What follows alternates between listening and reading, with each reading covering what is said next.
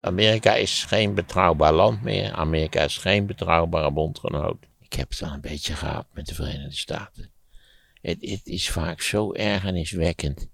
Het is zo ongelooflijk stupide. En hoe komt dat? Omdat het uiteindelijk gerund wordt, nietwaar?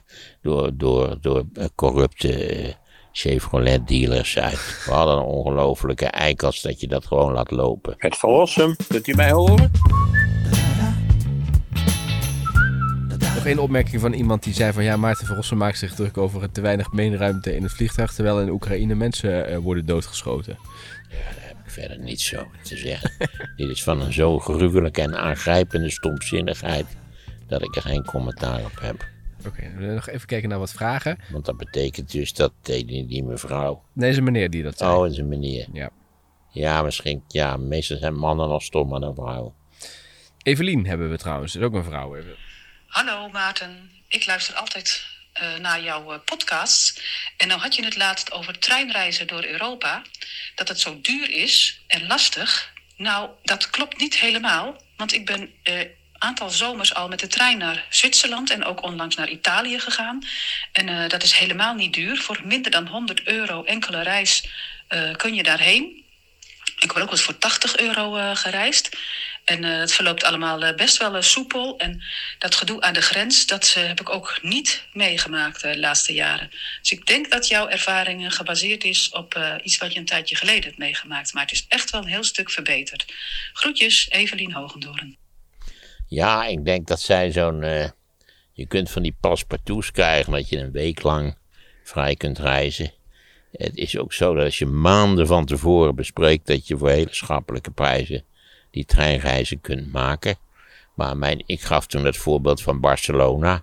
Dat is een vrij bekend voorbeeld. Dat is uitgebreid gerap over gerapporteerd. Als ik het wel heb in de krant, dan weet ik natuurlijk al gewoon niet meer in welke krant. En mijn verhaal over die locomotief net over de Duitse grens. Ja, kan zijn dat dat nu ineens niet meer zo is, maar dat geloof ik niet zo erg eerlijk het kan dus wel, maar het is ingewikkeld. En je moet uh, allerlei dingen van tevoren regelen. Als je zegt, ik wil morgen even met de trein naar Berlijn. Zoals het zou moeten kunnen. Hè, zo goed als je dat in Nederland kunt zeggen. Ik wil morgen even met de trein naar Groningen, wat een stuk duurder is dan je wel denkt. Uh, ik, ik heb er weinig vertrouwen in, moet ik zeggen. Oké. Zij heeft het waarschijnlijk goed georganiseerd, ruim op tijd uh, de zaken gekocht. Maar het kan, de coördinatie kan echt gegarandeerd stukken beter. Oké. Hey, de nieuwste Maarten is uit. De nieuwste Maarten is uit, dat is ja. Ja, dat is juist. Met een blauwe, blauwe letters op de voorkant. Ja. Wat ik heb gezien, onder andere weer over Amerika een groot stuk daarin. Ja, van Frans Verhagen. Waarin die, uh, ja, Frans is natuurlijk net zo iemand als ik.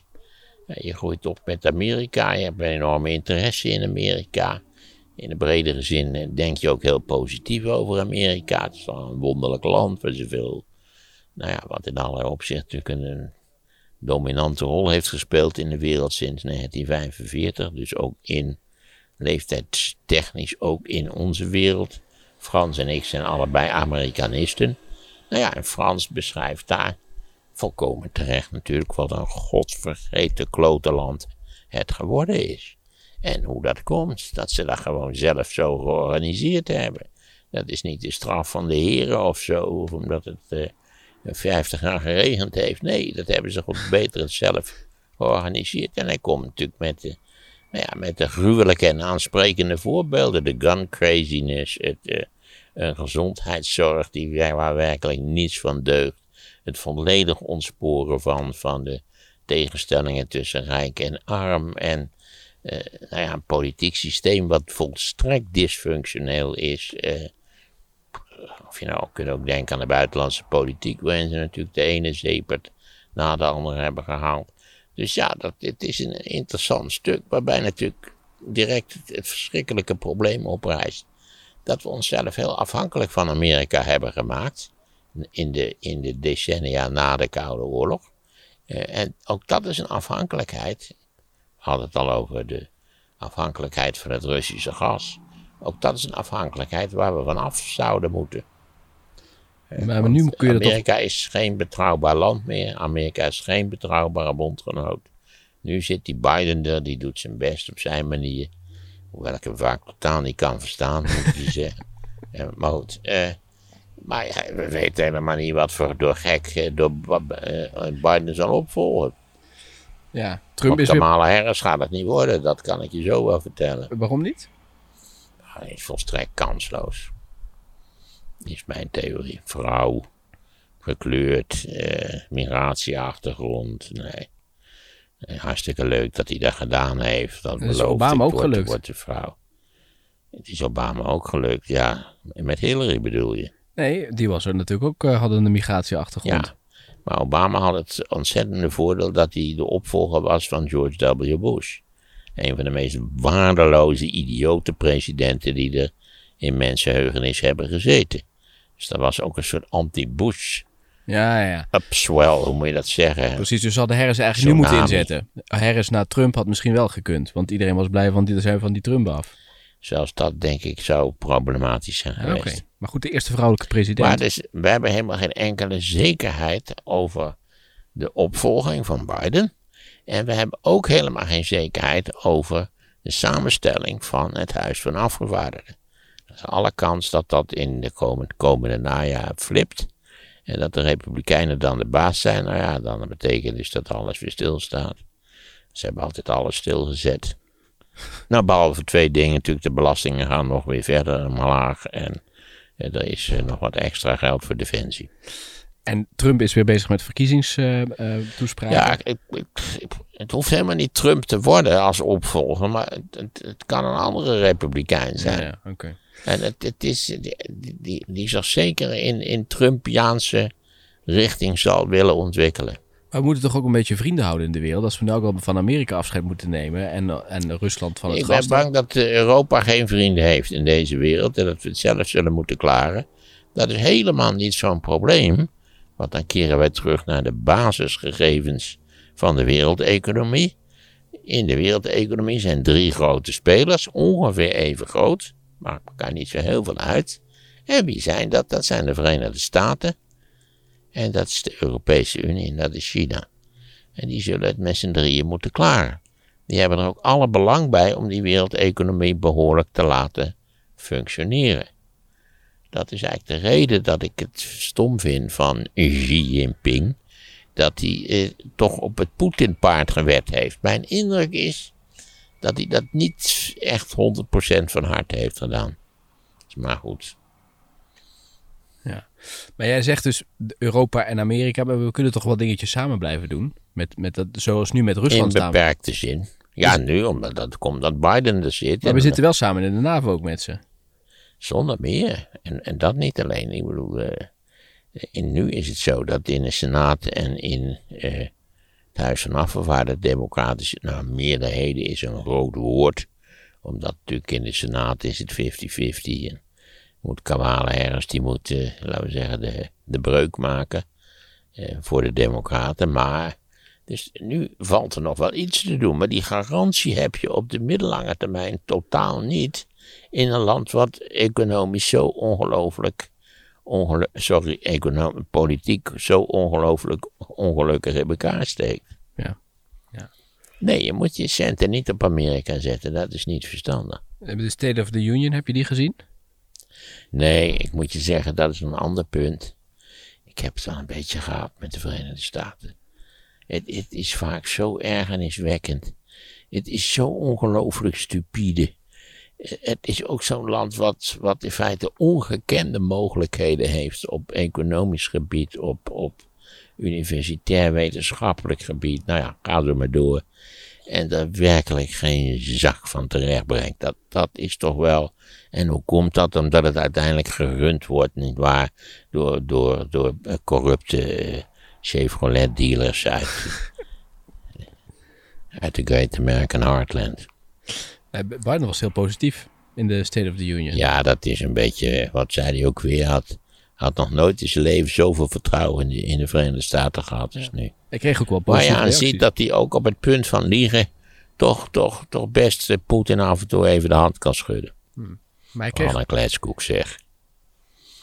maar dat is, dus, dat is meer sentiment wat hij daar probeert Ja, dat is allemaal sentiment, maar zo, sowieso. State of the Union, dat is allemaal sentiment. Oké, hij kreeg wel best positieve reacties. The eh, state, afloop. of, the state of our union is strong. Ik heb nooit anders gehoord in mijn leven. Wat staat er nog meer in de Maarten? Wat heb je zelf geschreven eigenlijk? Ik heb zelf geschreven een eh, redactioneel. Ja, ik moet er wel bij zeggen dat eh, mensen zullen misschien naar de inhoud kijken en zeggen van het eh, niks over de Oekraïne. Nee, dat klopt. Omdat de hele zaak naar de drukker was op het moment dat het fout ging. Toen heb ik nog gedacht van zal ik niet toch nog redactioneel schrijven over de Oekraïne. Maar de rest van de redactie heeft mij bewerkt en zegt ja, dat, dit kan zo snel veranderen, die situatie. Laat maar staan wat je geschreven had. Dus ik heb een redactioneel geschreven over het opbellen naar officiële instanties met de bekende resultaten. Er zijn nog 17 wachtende voor u. Wij doen uit onze uiterste best om u zo spoedig mogelijk te woord te staan of veel overheidsinstellingen. Op dit moment is het bijzonder druk. U doet er verstandig aan op een ander moment te bellen. Wat je dan dus doet. En wat hoor je dan? Op dit moment is het bijzonder druk. U doet er verstandig aan op een ander moment te bellen. Het is namelijk bij onze overheid altijd ontzettend druk. Ook als het niet druk is, wil je zeggen. Het staat Nou, standaard ik aan. heb geen flauw idee, maar het bandje zal wel standaard aanstaan, ja. Het is een van die, van die aspecten van het gedrag van onze overheid die ik persoonlijk volstrekt intolerabel vind. Je hoort als overheid behoorlijk bereikbaar te zijn. Dus er meer Dan neem je aannemen. maar wat meer telefonistjes in dienst. Ja. We hadden, we hadden lamstralen. Hè. We hadden een ongelofelijke eikels dat je dat gewoon laat lopen. Is het nooit goed gegaan dat je dacht, oh, dit is snel. Heb ik eindelijk iemand aan de lijn. Jawel, zeker. Dat zijn in het algemeen bedrijven die eh, veel winst maken omdat ze hun klanten vlot bedienen. Oké, maar dat is dus de bedrijven, dus niet de overheid dus. Maar ja, en- en eigenlijk is tegenwoordig alles langs deze weg. Maar misschien dat vroeger, dat ik begin met de anekdote, dat ik als ik vroeger de bank belde, dat heette toen de krediet- en effectenbank, die was in de tijd hier om de hoek. Dan kreeg je gewoon mevrouw Jansen. Oh, meneer Van Rossum, wat leuk dat u belt. En eh, had een beetje goed met u, ja, ja, ja. ja. Zeker bent bent zeker weer vergeten een rekening te betalen. Ja, dat klopt. Nou, die betaalde je dan. Het kostte telefonisch overmaken, kostte toen 10 piek, als ik het maar goed herinner. Dat ging hartstikke goed. En dan zei ze weer, nou, tot ziens, tot de volgende keer. Maar je had contact met een persoon. Als je de bank nu belt, het is uitgesloten dat je ooit een persoon aan de lijn krijgt. Het is allemaal callcentra. Ja, dan kan je natuurlijk nog, kan je mijn, al mijn avonturen met callcentra wel vertellen. Je weet toch hoe dat is. Je hebt de hele casus uitgelegd. En dan zegt de betrokkenen, meestal een jonge mannenstem, zegt van... eh, ja, meneer Van Rossum, dat heeft hij wel opgeschreven. Eh, dit is echt toch een kwestie die ik voor u niet kan oplossen. Ik geef u even door aan mijn collega Frida Van de andere afdeling. van de andere afdeling. Maar alle gegevens stuur ik meteen met, met, die, met die call mee, zodat u hoeft dat niet nog een keer te doen. Dan zijn er vervolgens twee mogelijkheden. Of je krijgt Frida daadwerkelijk aan de lijn. En dan zeg je dus, ja, ik heb alle gegevens al aan. Nee, zij weet van niks.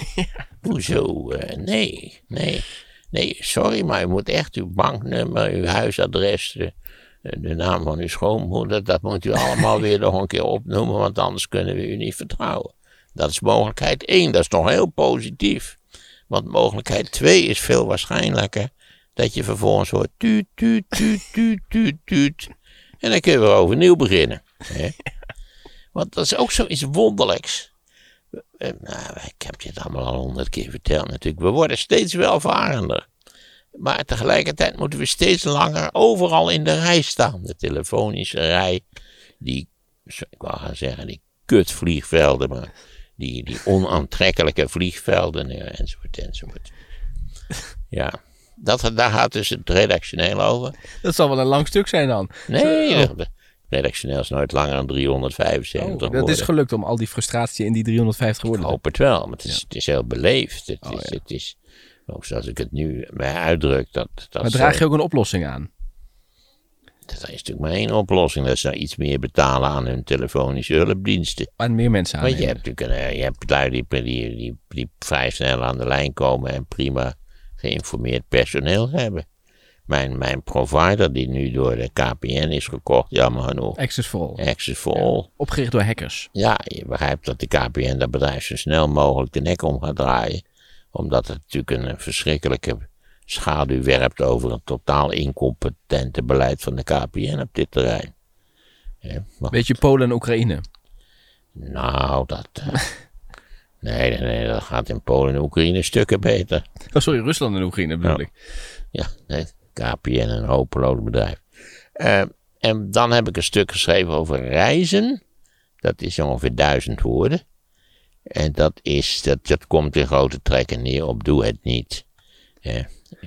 Reis, des, reis desnoods in Nederland. Eh, dat kunt u rustig doen. Maar, maar dat, dat, waarom u godsnaam wild water moet gaan varen op de Mekong, daar, zie ik echt het nut niet van in. Ik zie ook dat, dat, dat hysterische gedoe over de vakantie.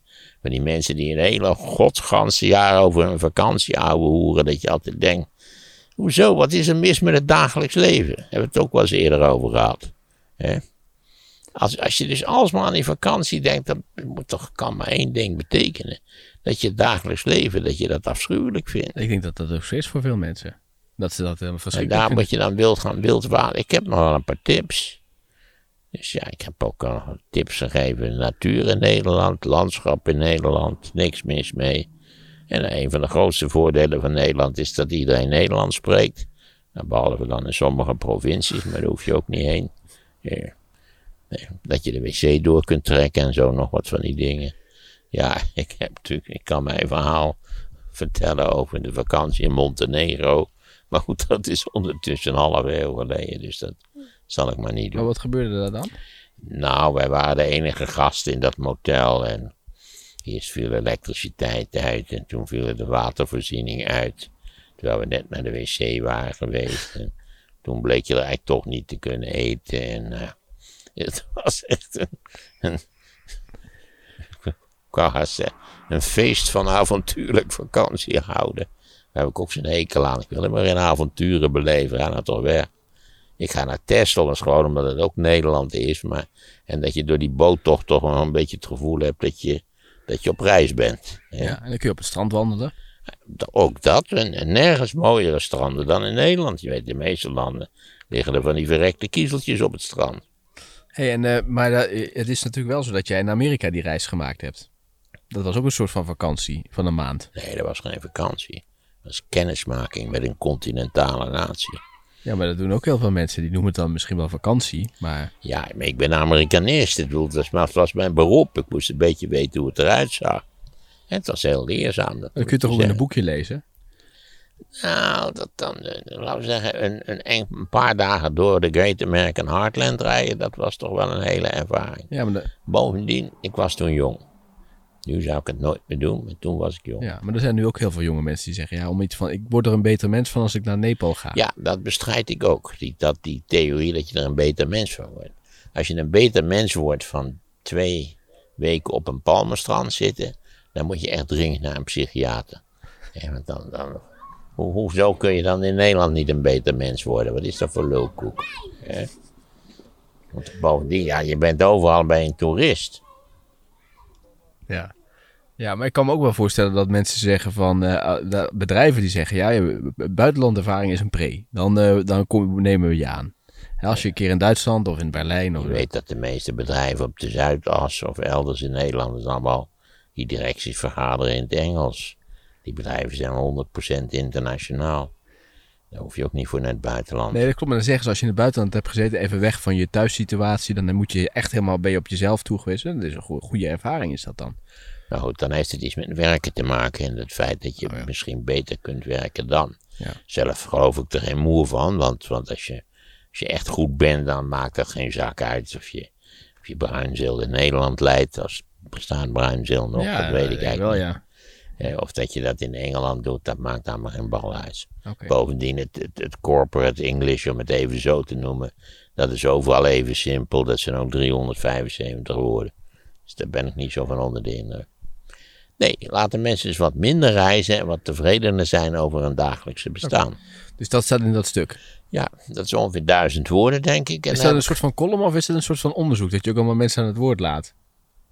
Ik- ik laat nooit iemand aan het woord. Je bent zelf aan het woord. Dat, ik ben zelf aan het woord. Oké, maar dat is wel op basis van ook onderzoek. wel een min of meer moreel verplicht als dat tijdschrift Maarten heet met een uitroepteken. Iets waar dat je, dat je er zelf ook wel flink wat in schrijft. En het, ik heb wel een veel groter stuk geschreven. Maar dat is over dat boek waar we het over gehad hebben. Ja. Eh, Ja, van die schrijver. Precies, ja. Ik ben zijn naam ook even kwijt. Ja, ik, dan moet ik even diep nadenken. Hij heette John. Nee. Nee, nee, nee, nee, nee, nee, nee. Nee, Je ziet niet waar dat de dementie ook mij besluit. Tweede Wereldoorlog in ieder geval. Ja, het gaat, het gaat over de Tweede Wereldoorlog als imperiaal conflict. En normaal gesproken laten we de Tweede Wereldoorlog beginnen op 1 september 39. Hij laat de Tweede Wereldoorlog beginnen met het zogenaamde Mukden-incident. Dat is een stukje spoorlijn wat de Japanners hebben opgeblazen. En toen hebben ze de Chinezen daarvan de schuld gegeven. Dat is de start van, laten we zeggen, de imperiale veroveringsoorlog die Japan in China gevoerd heeft in de jaren 30. En dat, bovendien laat hij dan zien dat Duitsland natuurlijk en Italië ook in, in zo'n imperiale droom hadden. En dat dat een onbeschrijfelijke hoeveelheid ellende heeft veroorzaakt. En dat we, eh, dan zit ik natuurlijk toch te piekeren over die naam. Die, die, die naam is er dus, hè, maar, maar je weet dat je het weet. Nou, het komt zo meteen wel, komt het tot je. Het heeft een prima boek geschreven waar de Allies won. Ja, een heel dik boek. Ja, dit is ook nog een veel dikker boek trouwens over die imperiale droom en de verschrikkelijke Ja, ja. gevolgen. Je hebt er over, toen je COVID had, heb je helemaal zitten lezen. Ja. ja, ik ben nu aan het tweede boek beginnen, begonnen over de Tweede Wereldoorlog. Echt fascinerend. En deels toch weer een heel andere conclusie dan. Ja. Dus je leert nieuwe dingen ook. Ik leer voortdurend nieuwe dingen. En vooral ook de Tweede Wereldoorlog, dat is echt. Dat is lekker in beweging. Want ik heb ondertussen al een derde enorme dikke pil aangeschaft. Waar nog weer een nog breder perspectief wordt. En allemaal Wordt- online? Of laat je ook wel eens iets eh, fysiek komen, dat je lekker Nee, is strepen? allemaal digitaal. Oké. oké. Eh, mensen hebben nog gereageerd op eh, Mussolini en Hitler. En eh, Hitler is schijnbaar een paar dagen later heeft hij zelfmoord gepleegd aan Mussolini. En mensen, zeggen, mensen zeggen dat Hitler daar dus wel van op de hoogte was van dat lijk op dat plein. Dat hij dat gezien heeft en dat hij zich daarom Ah. heeft laten verbranden. Nou, dat kan ik mij wel voorstellen. Dat is, een, het is, een, het is eigenlijk een gruwelijk verhaal. Hoe slecht Mussolini misschien ook was, dat, dat, Ja. dat, dat heeft gewoon geen pas. Dat vond ik ook bij het ophangen van Saddam Hussein. De manier waarop, die had geen pas. Eh, dat was, dat was, dat, dat doe je niet. Nee. Hoe, hoe, hoe groot zijn schurkachtigheid ook was. Het is ongelooflijk. En onze luistercijfers zijn nog steeds... eh, Ja, we, we zitten nu die eh, Gijs en ehm, hoe heet die andere gast? Die een merk wilde worden. Die, eh, dat vertelde. Overy heette die schrijver van Ja, dat ja, ja. Jongen, jongen. James Overy? Ja, Ja, ik ben er toch opgekomen. ja. Overy. Maar die bedoelde, ja, James Overy is de schrijver, maar nu Marcel van Roosmalen. Die Ja, wilde toch precies. een merk worden? Ja, die wou hem, zei niet tegen mij, kunnen een merk worden. En ik moet zeggen, dat is jaren, zeker vier, vijf jaar geleden. En hij is 100% geslaagd. Ja. Dat is toch indrukwekkend. Ja, heeft hij goed gedaan. Is ook heel populair. Ja, Ja, dus dat is de enige die, eh, die doet het beter. Die heeft, samen met Gijs Groenteman heeft hij meer luisteraars. ah, maar die is volgens mij maar een kwartiertje. Klopt. En iedere dag. Dus die gaat iedere dag gaat hij op het nieuws reageren. Maar ik begrijp dus dat ze dat s'avonds al zitten op te nemen. Ja, dus, op, maar- dus op maandagavond gaan ze opnemen en dan wordt het op dinsdag live gezet. Dus als de pleuris uitbreekt, dan, dan kan het er niet in. ja, ik ga niks over. Elke dag is eh, helemaal niks. Ik vraag me ook af hoe lang dit dat volhoudt. Die moeten, dat moet op een gegeven moment toch ook vermoeiend worden. Ja, zelfs dit is ook natuurlijk. Want dit, hoe lang zijn we nu bezig? Eh, twee jaar bijna, hè? Ja, ja, ja. Ja, Dat je dan wel eens denkt, tien jaar, hoe, ja nee, nee, nee, precies. Als ik 93 ben, Nee, op een gegeven moment moet je de pin kun je erin. natuurlijk ook wel een soort, dat we het langzaam ontwikkelen tot een soort bejaardenomroep. Hè? Ja. Dat ik steeds langzamer en krachtiger ga praten. Ja, toch, het is, eh, dat- ja, zoiets. Hè? Een soort van omroep Max, maar dan... eh, Ja, zoiets.